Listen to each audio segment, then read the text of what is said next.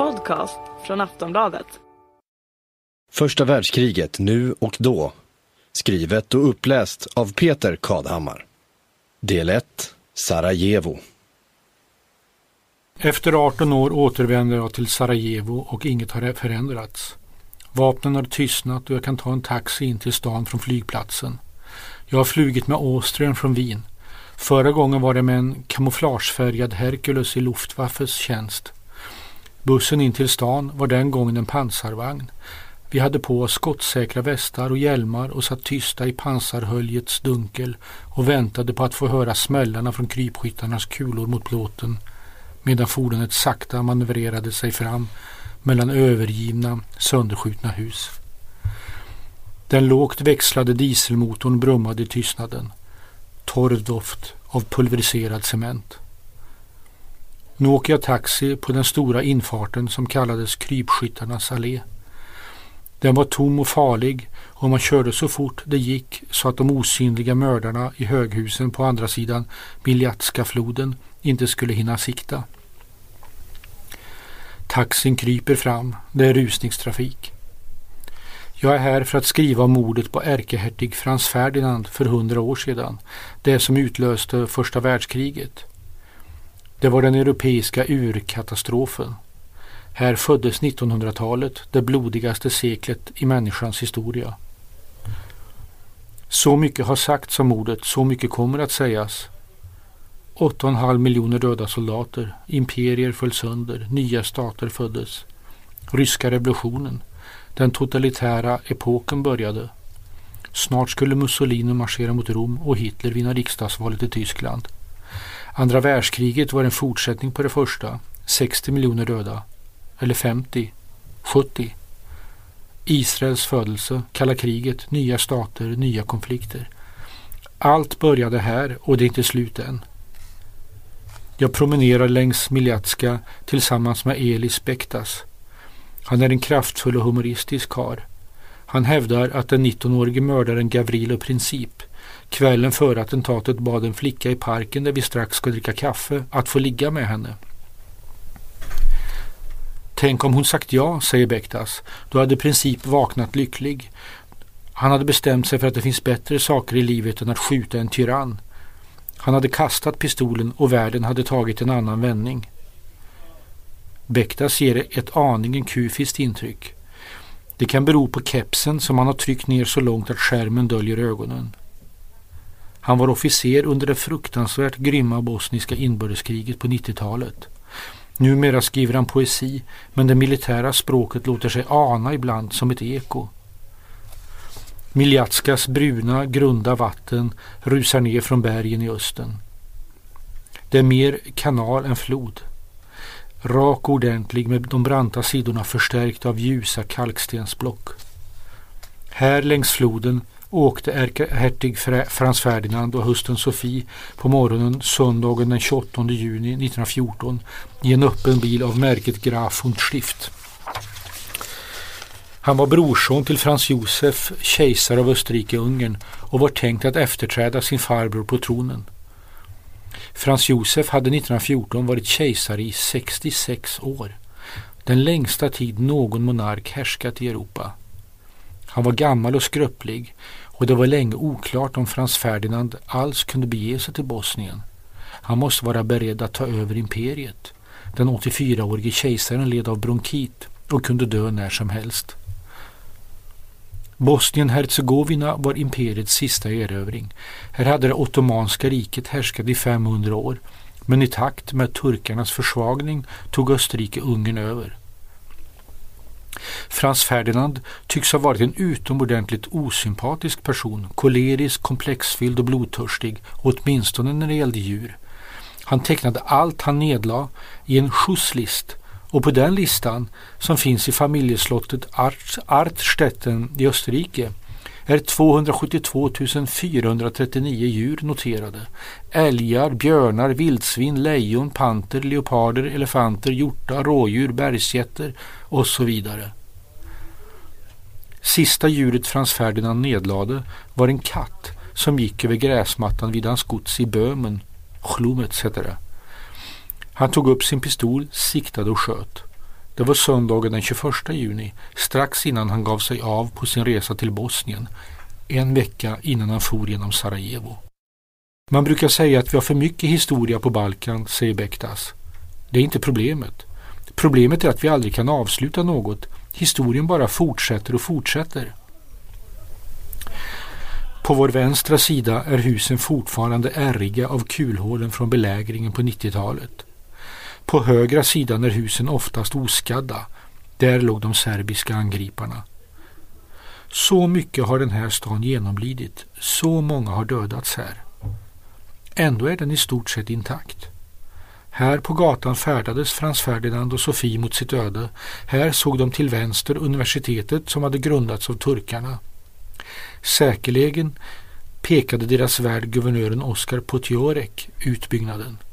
Sedan blev den högkvarter för Gestapo under andra världskriget, säger Bektas.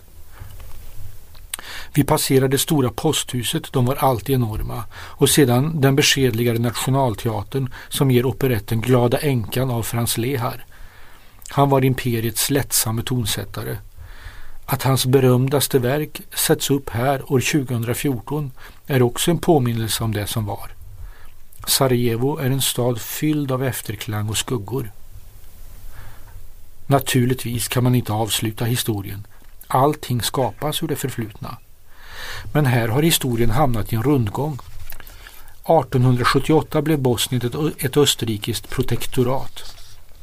Idag är Bosnien i allt utom namnet ett EU-protektorat. E det är ett land vars tre stora etniska grupper, bosniaker, alltså muslimerna, serber och kroater, omvärlden tvingade till fred genom en ny och hyggligt komplicerad stadsbyggnad, två självstyrande så kallade entiteter, ett självstyrande distrikt och tio kantoner.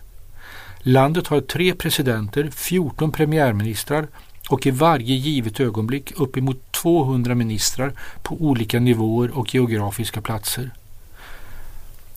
Slobodan Soja är en energisk historiker och före detta ambassadör för Bosnien i Frankrike och Egypten. Han kan, berätta, han kan berätta många historier om den icke fungerande stat han tjänat. Under den egyptiska revolutionen såg Soja hur andra ambassader i Kairo förstärkte sin bemanning för att klara att följa utvecklingen. Men utrikesdepartementet i Sarajevo efterfrågade ingen information och gav sin ambassadör inga instruktioner. Tystnad, ointresse. Bosnien-Hercegovina är ett land som bara är upptaget med sig självt, ständigt invecklat i intriger, konflikter och egna våndor. Soja sitter på kaféet i Bristol Hotel. Han är historiker till professionen och har undervisat på Sorbonne i Paris. Några beslöjade kvinnor passerar vårt bord. Bristol ägs av en saudier, serverar inte alkohol och har begränsade tider då kvinnor får bada i poolen. Sedan freden inträdde har skillnaderna mellan de olika befolkningsgrupperna fördjupats istället för att överbryggas. För två år sedan fick Soja idén att universiteten i Sarajevo, bosniakiskt, Banja Luka, serbiskt och Mostar, kroatiskt, skulle arrangera en gemensam konferens för historiker. Den skulle diskutera den bosniska ungdomen i början av 1900-talet, den generation som Gavrilo Princip och hans kamrater tillhörde. Det är ju inte så enkelt som att Princip och de sammansvurna var serbiska nationalister. De brukar beskrivas så. Men den lösa grupp unga radikaler han tillhörde sökte snarare ett förenat rike för sydslaverna. De ville ha ett Sydslavien, ett Jugoslavien. Det var ordet de använde. I kretsen runt Princip fanns åtminstone en muslim och flera kroater. Några var misslyckade studenter, en typograf, någon småskolelärare, en poet, en kontorist, en bonde. De förenade sin nationalism och hat mot ockupationsmakten. De var inte unika. De levde i attentatens tidevarv. Kejsar Frans Josefs fru Elisabet mördades av en italiensk anarkist i Genève 1898. 1910 utsattes Österrikes guvernör i Sarajevo för ett mordförsök på Appelkajen just där Frans Ferdinand och Sofie på morgonen den 28 juni 1914 sakta skjutsades i den öppna bilen av märket Graf Unstift. Serbiska kungen och drottningen dödades och slängdes ut genom palatsets fönster 1903. 19-årige Gavrilo Princip väntade med en pistol i fickan vid Latinska bron. Han kom från en fattig bondefamilj som genom sönernas skolgång var nära att ta språnget in i det moderna samhället. Gavrilos storebror blev handelsman. Han ordnade så att Gavrilo kunde studera i Sarajevo. Gavrilo misslyckades med organiserade studier men blev en bokmal. Han levde genom litteraturen och läste det han kom över om socialism och anarkism. Han var en ung man i en brytningstid. Jag höll på att skriva Vilsen ung man. Så brukar terrorister beskrivas. Men inget tyder på att han var vilsen. Gavrilo Princip var mycket målmedveten. Även om han misslyckats i skolan, halvsvalt och gick med utslitna byxor, de finns på det lilla museet vid mordplatsen, tillhörde han en elit. Han kunde läsa. Han befann sig i storstaden. Han mötte mängder med människor, fick impulser, idéer, utblick. Vilken skillnad mot det liv som de flesta Bonnier levde, isolerade på den bergiga landsbygden. De flesta analfabeter, bönderna livegna i ett kvardröjande feodalsystem. När Österrike blev Bosniens skyddsmakt 1878 tog en resa på 30 mil mellan Slavonski Brod i norr och Sarajevo åtta dagar. Det fanns inga moderna vägar alls. Österrike anlade järnvägar, byggde vägar och omvandlade Sarajevo från en turkisk till en europeisk stad. Österrike-Ungern agerade som alla kolonialmakter. Den ville sprida sin civilisation och en del var onekligen gott. Därför är också de historiker i Sarajevo och Pale på den serbiska sidan som jag talar med kluvna till imperiet. Hur resonerade Gavrilo Princip och hans krets? Det ville Slobodan Soja ordna historikerkonferensen för att diskutera. I två år har han försökt. Hittills har det varit omöjligt att få muslimska, kroatiska och serbiska forskare att delta i ett gemensamt möte. Först sa muslimer och kroater ja, medan serberna vägrade. Sedan sa serberna ja och då hoppade muslimerna av. Historien är alltför laddad. Nuet är explosivt. Historien och nuet smälter samman så att man inte vet vad som är vad. Den 28 juni är för serber en viktig dag. Det var den dagen då de förlorade mot turkarna i slaget på trastfältet Kosovo-Polje. Året var 1389. En 500-årig turkisk dominans på Balkan tog sin början. Att glömma och gå vidare är ingen specialitet i dessa trakter. Talesättet äh, vad gör det om hundra år är fullkomligt otänkbart i Bosnien, Serbien eller Kroatien. Den 28 juni 1989 samlades en miljon serber på Trastfältet för att minnas nederlaget 600 år tidigare. Det var en uppladdning inför det jugoslaviska sönderfallskriget som skulle börja två år senare. Den 28 juni 1914 stod Gavrilo Princip med en Browning i fickan och väntade på Frans Ferdinand. Att ärkehertigen besökte Sarajevo just denna dag var en provokation. I den stunden fanns en chans att ändra historiens gång, anser Slobodan Soja. Det handlar då inte om Frans Ferdinands liv.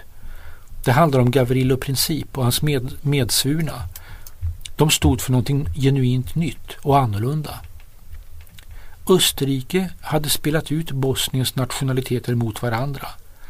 Det var ockupationsmaktens vanliga taktik för att söndra och härska. Även det turkiska väldet hade inneburit en etnisk splittring. Feodalherrarna var muslimer, de livegna bönderna ortodoxa serber. Princip och hans vänner talade om enighet mellan Bosnien-Hercegovinas nationaliteter.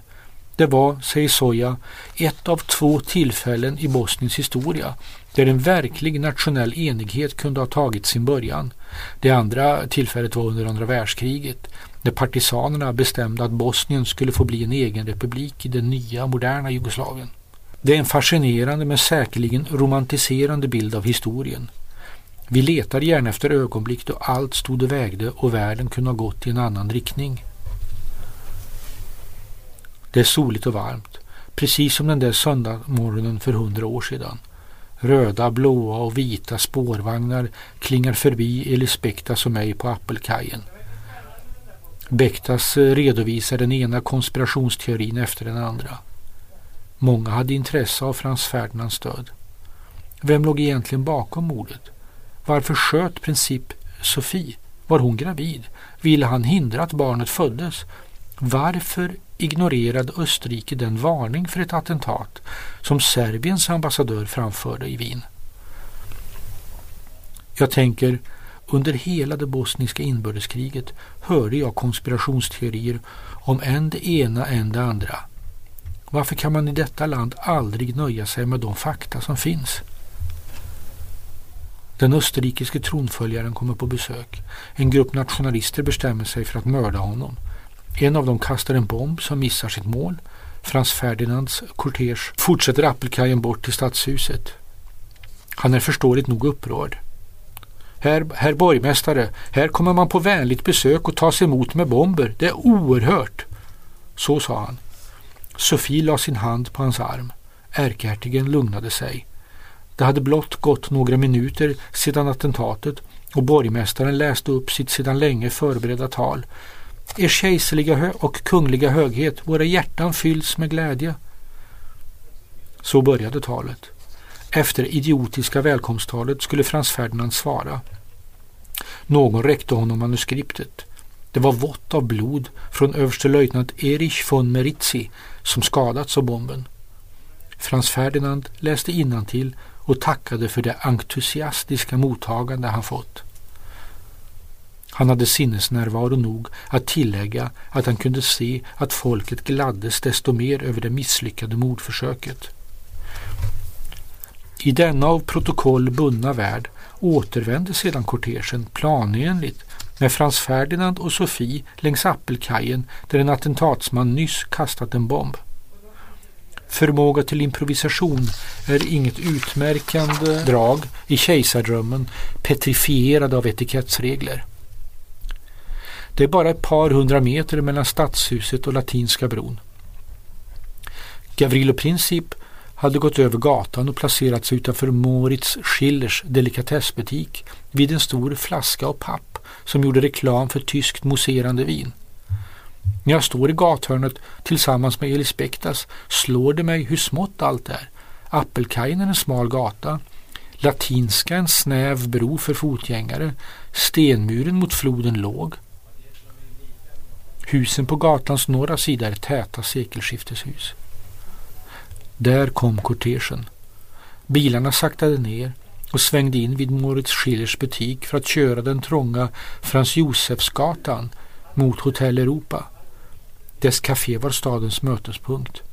Så är det fortfarande. Där stämmer Sarajevos skribenter, diplomater, politiker och intrigörer träff. Mitt framför Gavrilo Princip stannade Frans Ferdinands öppna fordon. Man hade glömt att säga åt chaufförerna att ärkehertigen ville besöka den skadade överstelöjtnant von Meritzi på sjukhuset. De måste vända. Medan krånglet pågick tog Gavrilo Princip fram pistolen. Han vände bort huvudet och sköt två skott i blindo. Det ena gick in i buken och slet sönder stora kroppspulsådern på Sofie. Det andra gick in i Frans Ferdinands hals och genom halspulsådern. Blod rann ur hans mun. Greve Frans von Harrach lutade sig fram och frågade Lider ers kejserliga höghet mycket? Österrike gav Serbien skulden för mordet. En månad senare började kriget. Gavrilo Princip dog 28 april 1918 innan kriget var slut i, i tuberkulos i fästningen Theresienstadt i nuvarande Tjeckien. Latinska bron döptes efter kriget då Jugoslavien hade bildats om till Principbron. Moritz Schillers butik blev museum. Där kan man se på trasiga byxor som påstås ha tillhört Gavrilo Princip. Där finns också en Browning av samma typ han sköt med. Två dockor föreställer Frans Ferdinand och Sofie.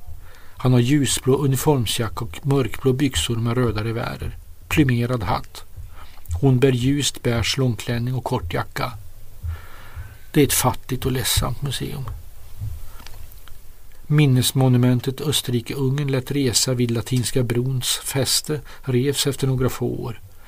En av marmorpelarna ligger på en åker utanför stan. Bonden på vars ägor pelaren hamnat vill ha 10 000 euro för den. Mitt emot monumentet byggde österrikarna en stensoffa. Den är kvar. På soffan sitter en gubbe och bjuder ut cigarettändare och plast. Tändare, skriker han mekaniskt och med jämna mellanrum.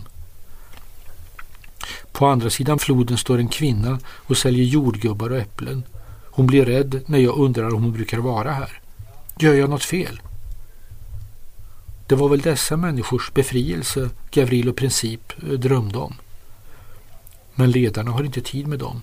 Ledarna är upptagna med sina egna intriger. Sarajevo kommer att ha sina minnesceremonier 28 juni. Den serbiska, serbiska sidan kommer att ha sina. Nuet bestämmer minnet och man vill inte minnas samma sak. Nationalmuseet är stängt sedan två år och det finns inga ambitioner att öppna det igen. Ett nationalmuseum kräver ju en nation. Tändare! skriker mannen på stensoffan. Hundra år har gått och ingenting har hänt. Du har hört del 1 av Första världskriget nu och då av och med Peter Kadhammar.